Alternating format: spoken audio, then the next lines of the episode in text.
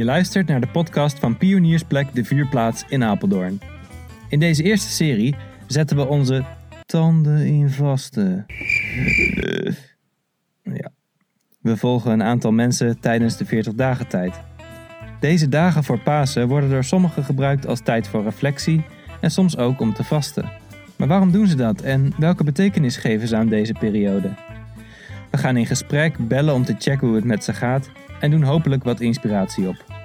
Misschien voel je je geïnspireerd en wil je meedoen, maar voel geen druk. Je mag ook uit puur leedvermaak luisteren. We zijn er tot aan Pasen, iedere twee weken. Welkom bij de tweede aflevering in de serie over vasten van de Vuurplaats podcast. Vorige week gingen we in gesprek met Yildau. Zij doet samen met haar vriend Chris de 40 dagen de tv uit. Aan het einde van deze aflevering horen we hoe het haar de eerste dagen is vergaan. Ook hebben we nog wat andere berichtjes ontvangen van luisteraars, die ik natuurlijk graag met jullie deel. Vandaag is bij ons de gast Doreen. Doreen, welkom. Hoi, dankjewel. In de intro-aflevering gaf je ons een eh, enorme cliffhanger. Je vertelde dat jij en je man iets voor elkaar gingen verzinnen. Ik zou zeggen, hou ons niet langer in spanning. Wat hebben jullie voor eh, elkaar bedacht? Nou, het was inderdaad wel uh, iets spannends. Wij doen eigenlijk wel vaker mee aan de vaste actie. En wij dachten, goh, het is eigenlijk best wel eens leuk om voor elkaar iets te verzinnen. Dus dat hebben we gedaan. En we hebben daar uh, over nagedacht en over gepraat samen. En George heeft voor mij dus bedacht dat ik uh, 10 minuten per dag niks doe. En dan niks doe in de zin van gewoon zitten en stil zijn. Ehm, nou ja, niksen. En dat vind ik eigenlijk heel moeilijk. Want ik ben echt een type die altijd druk is en altijd dingen wil regelen en uh, niet goed kan stilzitten. Dus ik dacht, dat is wel een hele goede uitdaging voor mij om uh, eens wat meer uh, echt letterlijk rust te pakken. En zo had ik voor George dus iets bedacht om minder op zijn telefoon te zitten, op de scherm, schermtijd op zijn telefoon. Toen zei hij, ja, dat is een goede. Hij zegt, maar ik wil eigenlijk ook wel heel graag iets anders doen. Hij zegt, ik wil eigenlijk ook wel graag minder snoepen, want ik vind dat ik de laatste tijd zelf uh, snel aan het snaaien ben en uh, eigenlijk dingen eet die niet nodig zijn. En dat is een gewoonte aan het worden en daar wil ik vanaf. Dus toen hebben we erover doorgepraat en uh, toen hebben we gezegd, weet je wat, we maken er een combi van. Ik ga dus 10 minuten niks elke dag. George gaat niet snoepen overdag. En samen gaan we onze telefoons wegleggen vanaf nu of acht avonds. En dan uh, gaan we niet meer whatsappen en uh, spelletjes spelen en allemaal dat soort dingen doen. Dus dat is uh, ons plan. Een, een uitgebreid plan zo voor elkaar. Leuk om te horen. Um, tien ja. minuten even, even niks doen. Kun, kun, je vertellen wat je de rest van de dag normaal gesproken doet? Wat ik de rest van de dag doe? Nou, um, als ik de kinderen thuis heb, dan ben ik natuurlijk met hen bezig. Um, en onder schooltijd um, werk ik. Of uh, ik ben in huis bezig, of ik ben dingen aan het regelen. Of uh, ik ben niet zo'n goede stilzitter, laat ik het zo zeggen. En uh, wat voor werk doe je? Ik ben ouderenpastor in de protestantse kerk in Eerbeek. En daar ben ik nu een jaar of drie. Nou, al iets meer dan drie jaar trouwens. Um, en doe ik met heel veel plezier. En ik ik heb daar een groep 75-plussers eh, onder mijn hoede. En daarvan ben ik de pastor. Dus ik ga op bezoek bij ze en ik uh, organiseer activiteiten. Ik doe kerkdiensten in het uh, verzorgingshuis. Alhoewel dat allemaal nu tijdelijk stil ligt vanwege de corona. Uh, ik doe mhm. uitvaarten. Alles wat daar omheen met ouderen te maken heeft, doe ik. En thuis dus met Sjors en drie kinderen? Ja, we hebben Alec, dus jongste, dan Elena en dan hebben we Tristan. Ja. Leuk. Um, ja, ik ben ook wel benieuwd straks hoe dat is om uh, te vasten in het, uh, in het gezin, omdat ik zelf geen kinderen heb. En ik ben wel nieuwsgierig hoe dat eigenlijk, uh, hoe dat eigenlijk gaat. Doen, doen de kids eh, ook mee dit jaar? Ehm, ja, maar ja, ik kan ze niet meenemen in die 10 minuten en niks. Hè.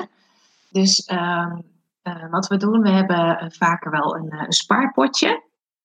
En dan doen we een aantal klusjes met ze en uh, dan stoppen we het geld wat we daarmee verdienen, zeg maar, stoppen we daarin. Dus bijvoorbeeld, dan gaan we zelf de auto wassen in plaats van dat we naar de wasstraat zouden gaan. En dan uh, die 5 euro die we dan uitsparen, uh, die stoppen we dan in het spaarpotje. En dan aan het eind van de eh, periode, dan tellen we de, de, centjes die erin zitten. En dan geven we dat aan een goed doel. En dan zoek ik meestal een doel uit wat uh, voor de kinderen ook, ook herkenbaar is. Ik had de vorige keer had ik iets uitgezocht van, van kinderen die we dan een, een maaltijd konden geven voor zoveel uh, bedrag. En kon je zoveel families kon je zeg maar een bord eten geven. Nou, dat was een heel leuk concreet filmpje over. Dat heb ik de kinderen laten zien. Nou, dan weten ze waar het voor is. En dan maken we dat over. Mooi. Um, Suzanne, die ook de verdiepende teksten verzorgt die Albert voorleest, die ja? stuurde ook een berichtje met een vraag aan jou. Laten we daar even naar luisteren. Hey Dorien, Suzanne hier. Ik was even nieuwsgierig. In de vorige podcast vertelde je dat Sjors voor jou zou bedenken, of inmiddels heeft bedacht, wat jij wel of niet gaat doen in de vaste tijd. En ik vroeg mij af of dat voor jou dan ook een andere betekenis krijgt daardoor. Nou, ik ben heel erg benieuwd naar je antwoord. En hoe het je vergaat inmiddels. Leuke vraag, Suzanne. Dankjewel. Um, nou, het krijgt wel een beetje een andere betekenis, denk ik, omdat het um, iets is wat iemand anders voor je, voor je verzint. En um, daarmee kijk je soms op wat anders naar jezelf, denk ik. Dus je krijgt vanaf een andere kant krijg je iets uh, naar je toe. En George zei dus tegen mij van, goh, ga jij maar stilzitten. Terwijl ik dat zelf eigenlijk niet had bedacht. Ik had zelf eerder bedacht, nou, zal ik mijn koffie laten staan dit jaar? Of uh, zal ik uh, ook iets met snoepen doen? Of iets met die schermtijd? Vond ik ook allemaal goede dingen. Maar ik dacht, ja, toen George zei, nou, ga jij maar eens tien minuten stilzitten. Uh, nou, vond ik eigenlijk ook wel heel erg goed. En toen dacht ik, ja, dat, dat is ook wel echt iets wat voor mij een bepaalde gewoonte kan doorbreken, denk ik. Wat ik eigenlijk wel graag wil. Waarmee ik meer rust creëer voor mezelf, maar ook dus voor de mensen om me heen. En had je dat direct of uh, was, het een, was het een lang gesprek uh, tot jullie uh, tot dit compromis kwamen? nou, we hebben, er wel, ja, we hebben er wel even over gepraat. We hebben ook meerdere opties nog wel bedacht. Maar ik zei in eerste instantie, joh, is dat, is dat het? 10 minuten stilte, oké. Okay. Is, is dat dan echt iets wat ik, wat ik dan kan doen? Moet ik niet meer doen? Nou, zei George, waarom? Want volgens mij is dit uh, moeilijk genoeg. Toen dacht ik, ja, daar heeft hij misschien ook wel een punt. Uh, dat ik dit maar gewoon eens uh, elke dag moet doen. En dat is wel iets waar je elke dag weer bewust van moet zijn. En dat wilde ik ook graag. Dat ik iets kies uh, waarmee je elke dag bewust wordt. En niet wat je denkt, oh, nou ja, dat is een makkie of zo dat ga ik gewoon even doen. En dat moet wel iets, uh, ja, het moet iets met je doen, zeg maar. Je moet er bewust van worden, anders heeft het geen zin. Ja, die uitdaging die, die herken ik wel. Ja. Maar voor we verder in gesprek gaan, uh, gaan we eerst meer leren over de betekenis van vasten in de christelijke traditie. Uh, Albert, take it away. In de christelijke oh ja, traditie. we kregen ook een berichtje van een luisteraar met het verzoek of jij je ook nog even wil voorstellen. Dus daar mag je mee beginnen. Uh, dat stond niet op mijn blaadje. Ja, nou, ik ben dus Albert. Ik ben 31 jaar. Ik woon alleen in Apeldoorn. En in mijn dagelijks leven ontwerp ik apps. Verder hou ik van muziek. Ik speel piano en ik hou van fotografie. Dus ik ga er ook regelmatig op uit. Overdag dus veel digitaal bezig. En daarom wil ik ook daarbuiten wat uh, digitale middelen minderen. Uh, te beginnen bij uh, telefoon in bed. Ik merkte dat ik steeds later uh, ging slapen.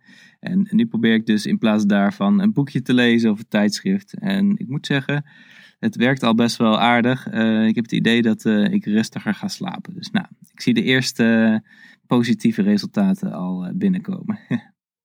Goed, dan nu maar eerst verder met een stukje traditie. De zes zondagen in de 40 dagen tijd hebben in de christelijke traditie allemaal een naam gekregen die verwijst naar een Bijbeltekst. De eerste zondag bijvoorbeeld heet Invocabit. Dat is Latijn voor ik zal aanroepen en verwijst naar Psalm 91, waarin God zegt: Als iemand mij om hulp roept, dan antwoord ik hem. En zo heet de vijfde zondag Judica, wat oordeel, spreek recht betekent, en verwijst naar Psalm 43. Doe mij recht, o God. In deze psalm wordt voor al het onrecht in de wereld God gevraagd om recht te doen. Een andere Bijbeltekst die ons ook kan helpen om de betekenis van het vasten te begrijpen, is de bergrede. Deze kun je vinden in het Bijbelboek Matthäus. In de bergrede spreekt Jezus de mensen toe die hem naar de berg waren gevolgd en probeert Jezus de houding van de mensen te veranderen. De mensen in die tijd waren vooral heel erg bezig om plichtsgetrouw en letterlijk de wet van Mozes te gehoorzamen en aan de buitenwereld te laten zien hoe goed ze dat wel niet deden. Jezus vroeg de mensen daarom ook juist om bij zichzelf naar binnen te kijken en daar echt en oprecht te zijn. In Matthäus 6 zegt Jezus dan ook dit over vasten. Ga niet vasten en somber kijken zodat iedereen kan zien dat je aan het vasten bent, maar doe alsof er niets anders is. Verzorg jezelf gewoon goed. De mensen zien het dan niet. Daar doe je het ook niet voor. Vasten doe je voor God. En die zal dat ook zien. Ook al doe je het in het verborgene, in het geheim. Iets verderop noemt Jezus nog twee andere dingen die volgens hem naast vasten ook horen bij de basishouding van een christen. Namelijk bidden en aalmoezen geven. Dat laatste is dus andere mensen helpen. Deze drie dingen samen worden ook wel de triptiek van de 40 dagen tijd genoemd, omdat je hiermee gericht bent op drie verschillende dingen, namelijk op jezelf, op God en op de ander.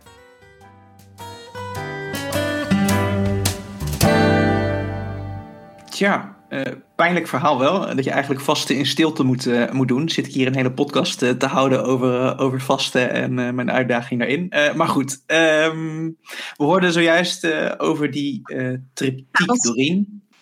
het vasten, ja. bidden en, en aalmoezen. richten op jezelf, God en de ander. Laten we die, die uitgangspunten maar eens als richtlijn nemen voor dit, dit gesprek. En om bij jezelf te beginnen. Um,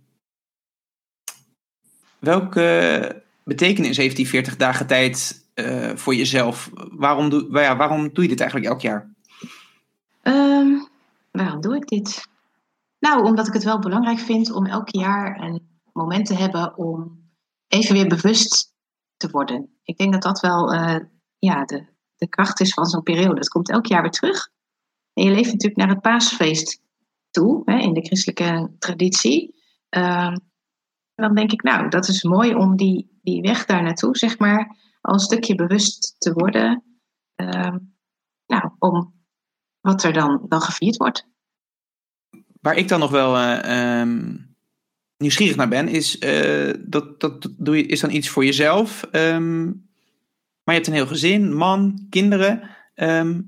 Ja, hoe, gaat dat eigenlijk in het gezin? Of maakt dat, maakt dat het uh, vaste of toeleven naar Pasen anders? Uh, ja, ik denk het wel. Kijk, ik ben wel mee eens dat je, dat je vasten in principe voor jezelf doet. En hè, zoals in, de, in die tekst van Albert ook zei, van nou, het, gaat niet om dat je moet laten zien aan de buitenwereld, zo zie mij nou eens goed doen. Maar dat het iets is wat je zelf, zeg maar, verandert. Maar als je jezelf verandert en bewust bezig bent, dan denk ik ook dat je je houding naar uh, je, de anderen om je heen verandert. Uh, en ook naar God. En ik vind het wel heel mooi om dat in ons gezin dus mee te nemen. Ik vind het ook heel leuk dat George dat ook doet. Dat ik niet de enige ben die uh, dat belangrijk vindt, zeg maar. Maar dat George dat ook belangrijk vindt. En we vinden het ook waardevol om dat mee te geven aan onze kinderen. Zo van, joh, uh, kunnen wij ook gewoon eens met iets minder doen? Of uh, ja, het is eigenlijk zo'n soort vraag van, kun je eigenlijk een stukje van jezelf opofferen ergens? En, en kun je uh, iets of iets weggeven van jezelf zonder daar iets voor terug te krijgen. En ik vind dat heel waardevol om ook mee te geven aan de kinderen. En ik vind het ook ergens wel een, ja, een opdracht die ik heb, denk ik, als, als christen. Uh, kijk niet alleen aan jezelf, maar uh, kijk ook naar, naar, die ander en uh, geef wat weg, zeg maar. En ik denk dat dat ergens in het paasverhaal voor mij ook wel ergens de essentie heeft dat Jezus daar ook zichzelf volledig weggeeft en zichzelf opoffert. En dat je daarin eigenlijk een, uh, ja, een stukje meegaat, zeg maar. Snap je een beetje wat ik bedoel? Ja, je gaat wel meteen, uh, wel meteen de diepte in, maar uh, dat is dan ook meteen de kern van, van ook gewoon iets breder over geloof, even los van de 40 dagen tijd, zeg maar. Dat is wat je, nou ja, wat je eigen kinderen mee wil geven? Dat opofferen of niet alleen voor jezelf leven? Ja, dat niet alleen voor jezelf leven vind ik wel belangrijk, ja dat het niet uh, uh, alleen maar een ikke-ikke verhaal is. En dat je gelooft dat ook niet alleen voor jezelf is, zeg maar. Maar dat dat ook is om er voor andere mensen te zijn. Of, of de natuur, of voor heel de schepping, zeg maar. En ehm, resoneert het een beetje, zeg maar? ik vraag me dat gewoon af als je. Ja, uh, hoe. ehm, Of de kinderen dat oppakken. hoe, gaan zij ermee om?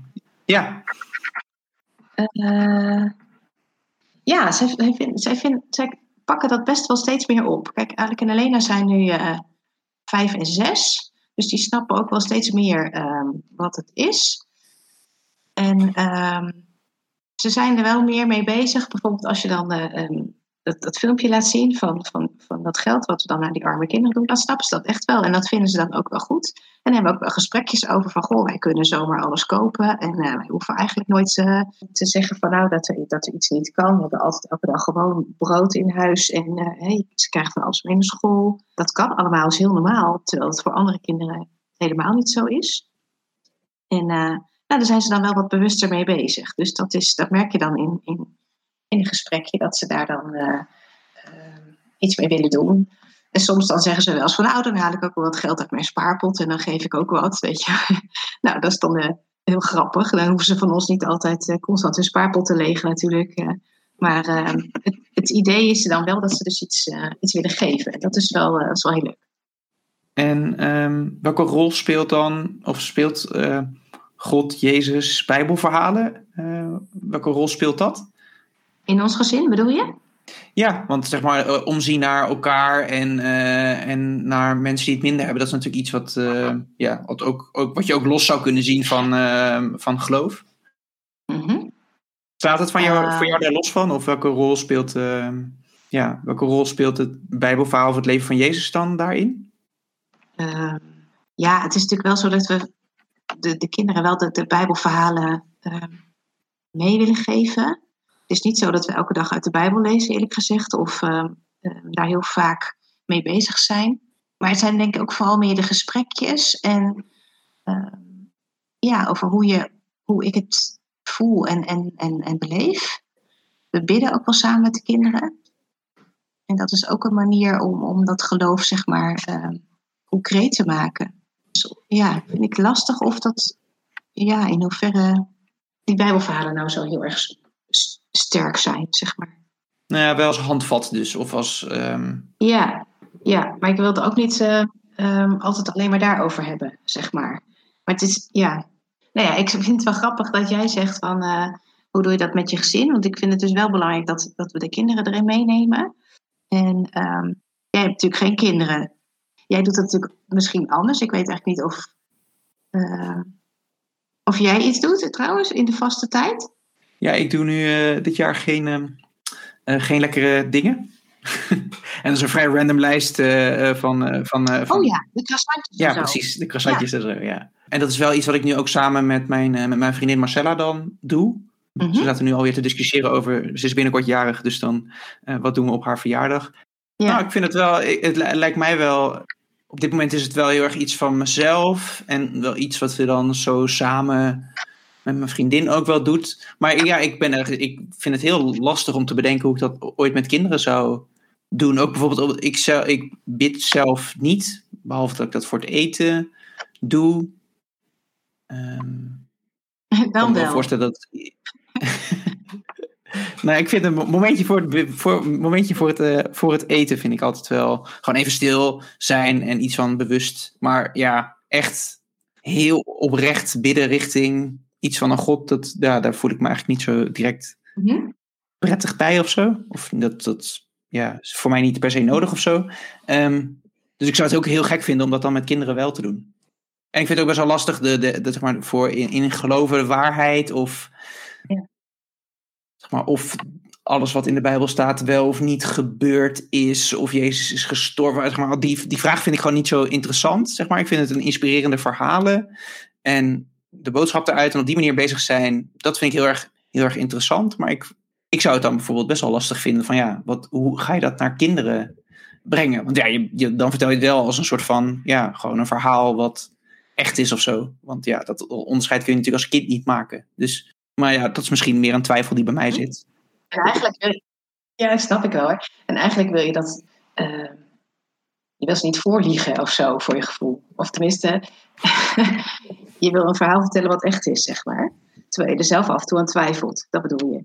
Ja, Ja, Maar voor mij zit het geloof ook heel erg uh, in het gevoel hoor. En um, minder in de letterlijke betekenis van de verhalen. Ik zie de Bijbel ook echt als, uh, als geloofsverhalen, zeg maar, geloofsboek. Waarin het verhaal staat wat God met mensen gaat, om zo te zeggen. Dus daarin staan allemaal mensen en die, nou, die doen hun best om, om goed te leven, zeg maar. Maar er gaan ook heel veel dingen mis. En um, ja, voor mij zit het geloof heel erg in, in die God die dan toch steeds met mensen meegaat, die daaraan trouw blijft. En het zit voor mij veel meer in het gevoel van dat vertrouwen dan in de precieze letterlijke verhalen. En misschien vind ik het dan ook wat minder erg als ik. Uh, als onze kinderen uh, niet altijd een, een, een, Bijbelverhaal horen. Want op school ze natuurlijk regelmatig Bijbelverhalen. In de kerk horen ze Bijbelverhalen. Thuis ook wel wat. Uh, dus uh, ze horen ze wel. Maar ze gaan er inderdaad natuurlijk heel anders mee om dan ik. En ehm, ik probeer ze dan gewoon vooral dat gevoel mee te geven. En ik vind het dan wel mooi om met ze te bidden, ook wel heel concreet voor dingen. Om ze gewoon te leren uh, nou, hoe, de, hoe, dat gaat. Of, uh, ja, en wat dat voor mij betekent. Mm -hmm. Het hoeft maar heel simpel. Hm. En op wat voor manier, ik ben gewoon nieuwsgierig, op wat voor manier praat je dan, zeg maar, even over, als je over die Bijbelverhalen hebt, op wat voor manier praat je dan, nou ja, geen idee over de ark van Noach of, of iets dergelijks, zeg maar, op wat voor manier uh, heb je daar dan gesprekjes over? Op wat voor manier lees je zo'n verhaal? Um, ja, het is natuurlijk niet één manier. Meestal vraag ik gewoon er een beetje op door of zo. Of uh, kijk of ze, het, of ze een beetje begrepen hebben wat, waar het over gaat. Um, en dan probeer ik het te koppelen naar hun, hun eigen praktijk of hun eigen dagelijks leven. Als het gaat over uh, uh, ruzie maken is niet goed of zo. En dan, dan hebben we het over uh, ruzie maken of zo. En, hoe je dat kan oplossen. Of laatst hadden we het verhaal gelezen over dat Jezus zijn, zijn vrienden uitkiest. Bij, als hij voor het eerst zeg maar gaat, gaat reizen. Dat hij Petrus en, en Jacobus en Johannes en zo uitnodigt. En Mhm. dan uh, laten ze zo hun fietsnetten liggen, weet je wel. Nou, en dan gaan ze zomaar met Jezus mee. Nou, dan vraag ik bijvoorbeeld, goh, zou je... Is dat niet een beetje gek dat je zomaar je spullen neergooit en dat je dan zomaar meegaat? Hè? Nou, en dan daar even een gesprekje over van, nou, hoe, hoe zou je dat doen? Of uh, zou je dat niet doen? Zoiets. Ja, mooi. Nou, dat is wel een goede. Mocht ik uh, ooit uh, kinderen uh, hebben, dan heb ik in ieder geval vast een tipboek dat kan aanpakken. Ja, leuk. Nou ja, ben je helemaal voorbereid, joh. Nou, en weet je het ook leuk ja, is? Ze komen ook heel vaak zelf in. Ze komen ook zelf met dingen, hè? Ja. En liedjes van school en zo. Ja, nog genoeg te doen. um, het, het, tweede punt is die gerichtheid op, um, op God. Van die um, drie, drie nog was, ik ben nu al het woord kwijt. Drie triptiek. Sorry, triptiek. Ingewikkeld woord. Uh, ik vind het wel een mooi woord. En um, uh, is die gerichtheid op, op God. En jij doet nu uh, ja, tien minuten um, even niets. Denk je dan ergens aan? Want ik kan best wel voorstellen dat het lastig is om heel bewust niks te doen. Of niks te denken. Of lukt het om dan tot rust te komen? Ja, de ene keer gaat het beter dan de andere keer. Um, maar het, het, grappige is, als ik bijvoorbeeld in het park ga lopen en ik ga dan even op een bankje zitten tijdens het lopen uh, heb ik allerlei gedachten in mijn hoofd. Dan kom ik ook altijd op goede ideeën. Dat is altijd zo als ik aan het lopen aan het fietsen ben. Um, en als ik dan ga stilzitten op een bankje, uh, dan heb ik dat veel minder. Dus dan probeer ik ook gewoon echt alleen maar te zitten. En dan gedachten komen natuurlijk wel in je hoofd, maar dan ook gewoon weer te laten gaan. Daar gewoon niks mee te doen, zeg maar. En dan gewoon alleen maar te zitten. En um, dat helpt wel. En ook gewoon heel bewust naar je ademhaling luisteren. Gewoon echt even niks. En het is tot nu toe aardig gelukt, moet ik zeggen. nou, ik ben benieuwd hoe het... Uh, ja, het is nog best wel lang. En uh, uh, doe je het 40 dagen of doe je het de 46 dagen met de zondagen erbij? nou, ik, ik wil eigenlijk de zondagen gewoon door. Want dat, dat vind ik eigenlijk wel fijn, denk ik. Ehm, dus ik ga eigenlijk voor de 46 dagen. Hmm. En dan het, uh, het, het, stukje onthouding, je telefoon wegleggen na acht uur. Hoe, um, hoe is dat de eerste, de eerste dagen vergaan? Nou, je, moet jezelf, je betrapt jezelf dan toch weer gauw op dat je um, even nog een appje wil sturen of even nog uh, dit wil doen of dat. En dan denk ik, oh nee, niet doen. Dus um, Ik heb me nu ook uh, voorgenomen dat ik, dat ik gewoon de, de wifi uitzet en de, en de data. Dus dan kun je dat ook gewoon niet, niet zo makkelijk doen. En dan krijg je ook geen berichtjes binnen. Want dat is natuurlijk ook irritant als je daar allemaal bliepjes hoort. Dat er allemaal berichtjes komen, maar je mag er uh, niks mee doen. Dus dan kan ik hem beter maar gewoon uitzetten. En dan zie ik ze gewoon de volgende dag. En uh, tegen mensen die uh, mij echt dringend nodig hebben, zeg ik van hey, dan moet je even bellen. Want ik zet mijn telefoon niet helemaal uit. Want dat vind ik een beetje vervelend, want dan zijn we helemaal niet meer bereikbaar. Ja. Dus als er dan echt iets is, kunnen mensen mij wel gewoon bellen. En um, doe je verder dan ook andere dingen s'avonds? Zeg maar, hebben jullie nu ineens hele goede gesprekken? Of, uh, of hadden jullie die altijd al? Of, uh, ja, uh. Nou, ja, af en toe best wel. Maar nou, het, is wel, het is wel rustiger. En ehm, meestal hadden we de gewoonte, misschien herken je dat wel, om nog voor het slapen gaan even in bed. Nog eventjes een en ander op je telefoon te doen. Nog even een appje daar of een spelletje. En ehm, nou, nu doen we dat niet. Dus nu kletsen we dan gewoon eventjes ja, dat is leuk en, uh, en fijn. Dus dat bevalt eigenlijk wel goed. Ja, dat zou voor mij misschien ook wel een goede oefening zijn. Ga, ga, ja. misschien, ga misschien een keer een weekje, in eerste instantie een weekje proberen. Ja, ja heb jij ook de, hoe heet het? Die, dus die uh, gewoonte van s'avonds in bed herken je wel op je telefoon. Ja, ja dan toch nog even uh, ja, een beetje de laatste nieuwsdingen. Nog even lezen. Ja. artikeltje hier, kijken of je nog berichtje daar. Ja. ja. Ja, dat. Ja, klopt. Oh. Ja, vertel. Nou, ik heb, uh, ik weet niet of daar uh, tijd voor is, maar ik had van de week had ik echt een briljant verhaaltje gelezen.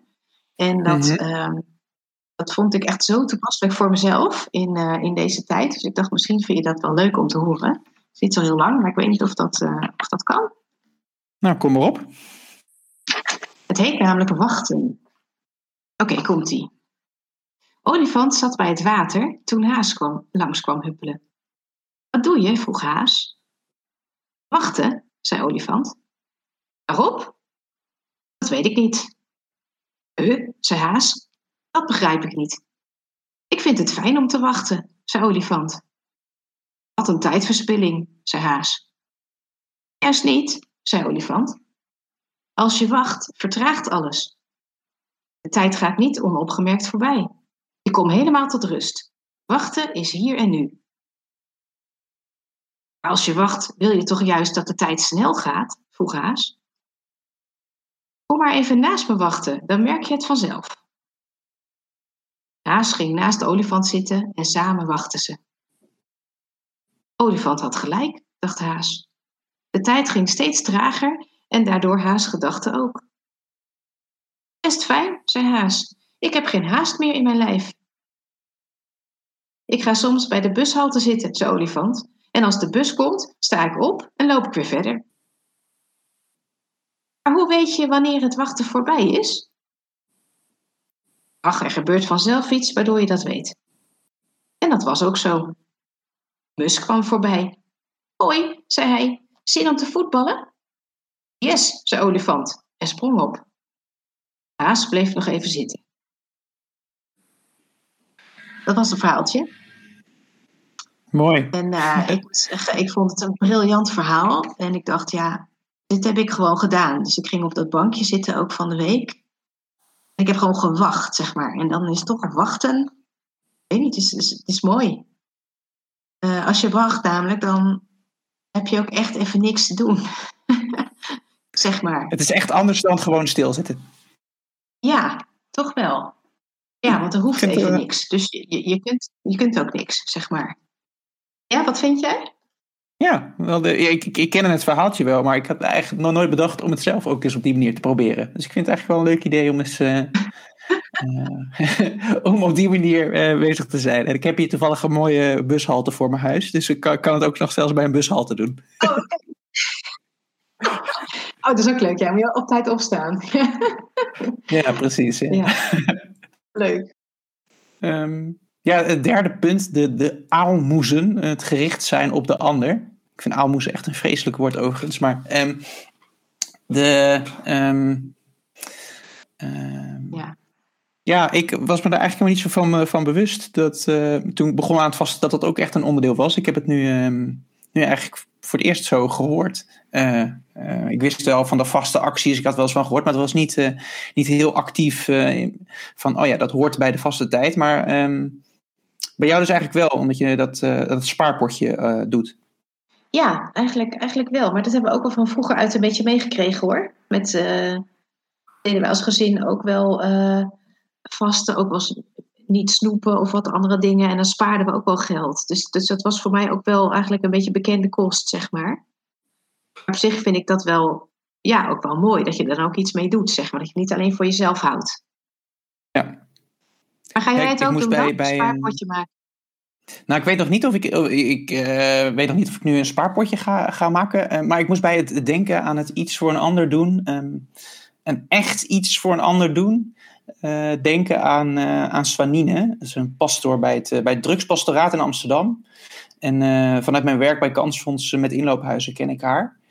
Zij heeft ja. een, hele, een hele mooie podcast ook nu gemaakt. Heet Veerkracht. En nou, daarin loop je eigenlijk met haar mee in haar werk. En vertelt ze daarover.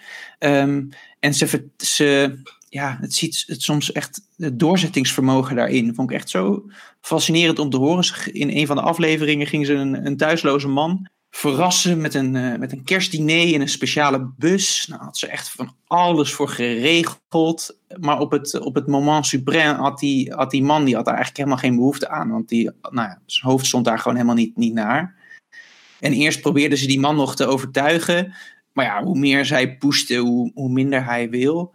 Um, ja. Dus uiteindelijk vroeg ze aan hem van, goh, hoe gaat het met je? En daar ontstond een gesprek van ongeveer een half uur. En ja, terwijl in die bus dat eten koud aan het worden was en de vrijwilligers uh, die dat hadden voorbereid, die appten haar waar ze bleef. Um, ja.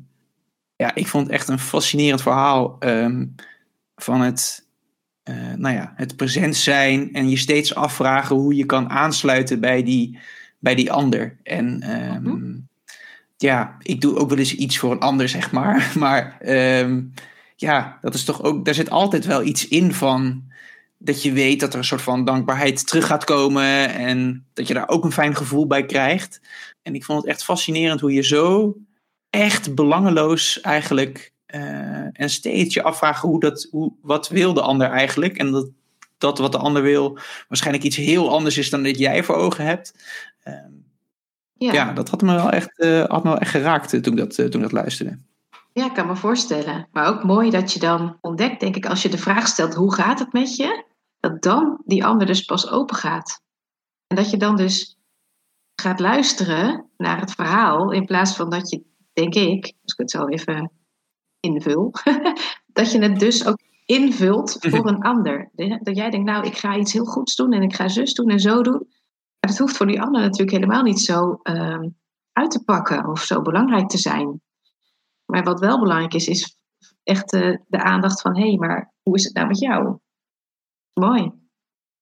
Ja, ja. Dus dat was wel iets wat ik meedacht nam van, goh, hoe zou, is er iets waar ik de komende tijd voor iemand op, op zo'n manier uh, van betekenis kan zijn? Nou ja, ik, uh, ik, was er nog niet helemaal over uit, maar uh, het was wel inspirerend. Ik zal de, de, de, de podcast Veerkracht ook wel even in de show notes zetten, want het is wel echt een, nou, echt een aanrader om, om te volgen. Ja, leuk. Dan ehm, komen we bij de, de vaste laatste vraag. en die is altijd: welke boodschap voor de komende twee weken, want over twee weken zijn we er weer, uh, heb je voor ons en voor de luisteraars? Um, een boodschap. Nou ja, misschien uh, zit het verhaaltje van het wachten wel, uh, vond ik wel een hele mooie boodschap. Misschien kun je ook een keertje proberen te wachten en kijken wat het met je doet.